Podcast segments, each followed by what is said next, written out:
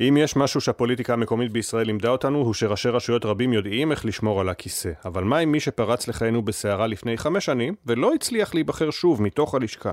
מסתבר שאלה מקרים נדירים בהרבה, הם קרו גם בבחירות השבוע.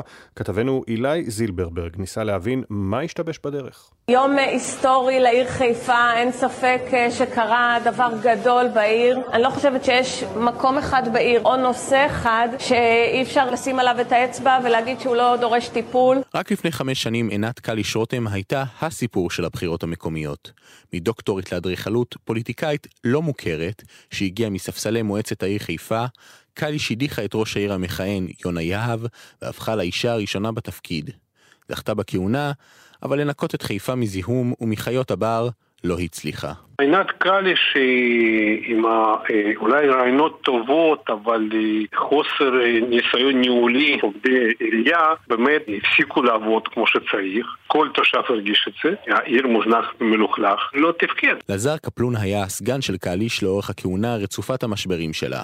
הקואליציה התמוטטה כבר לפני שלוש שנים, קפלון פוטר, וקליש נשארה עם קואליציה לעומתית, מורשת של חזירים ברחובות, ואחוזי תמיכה בודדים בקלפיות. אחד הנתונים הנמוכים אי פעם לראש עיר מכהן. את אברי, תושב העיר, התוצאה הזו לא הפתיעה. חוסר יחסי אנוש גם כלפי אלה שמתחתיה, גם כלפי משרדי הממשלה, כלפי העובדים. לא יכולה להיכנס לתפקיד אחרי אדם שהיה בתפקיד ראש העיר 15 שנה ולבטל את כל מה שהוא עשה אחורה. בצפת, מהפך. שוב, אחרי חמש שנים. שוקי אוחנה נכנס לכיסא ראש העיר בציפייה גדולה, אבל החרדים בעיר התאחדו והחליפו אותו אחרי תקופת כהונה אחת בלבד בראש עיר חרדי, יוסי קקון. בעיני משה, תושב העיר, גם אצל אוחנה מה שהוביל להפסד, היו יחסי האנוש שלא הצטיין בהם. מה שהפיל את שוקי אוחנה לדעתי, זה הוא עצמו. ביחסי אנוש כלפי הסובבים אותו. ראש דגל התורה בצפת, רב מכובד בעיר, הלך איתו באש ובמים, היום הוא נמצא באזימות רחוק ממנו, הצביע לגוש החרדי. הניצחון הזה הוא תוצאה אך ורק של האחדות בינינו. האחדות שטל אוחנה הבטיחה אם היא בחרה לראש מועצת ירוחם ב-2018 לא החזיקה יותר מקדנציה אחת. רמי ומשה גרים בעיר כבר 60 שנה.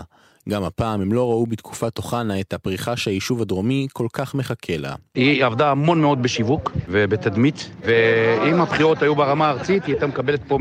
אני לא רואה שום דבר שזז פה. חוץ מחפירות שטל אוחנה עשתה פה, הילדים שלנו והנכדים שלנו צריכים לראות שינוי פה. ואולי בין ההסברים על יחסי אנוש גרועים, ערים מתחדשות שבינתיים נתקעות, או שינויים דמוגרפיים, יש ערים שבהן התושבים פשוט מודים שעשו טעות. כבר אחרי קדנציה אחת.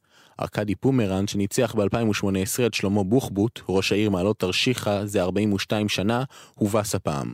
הוא לא יכול ממש לשים את האצבע על מה הוביל לכך. אני לא יכול להגיד שמשהו לא עבד, פשוט כנראה לציבור וזה הדמוקרטיה. לציבור יש סדר עדיפויות. למרות הזמן הקצר שקיבל בלשכה, פומרנס מרגיש מסופק.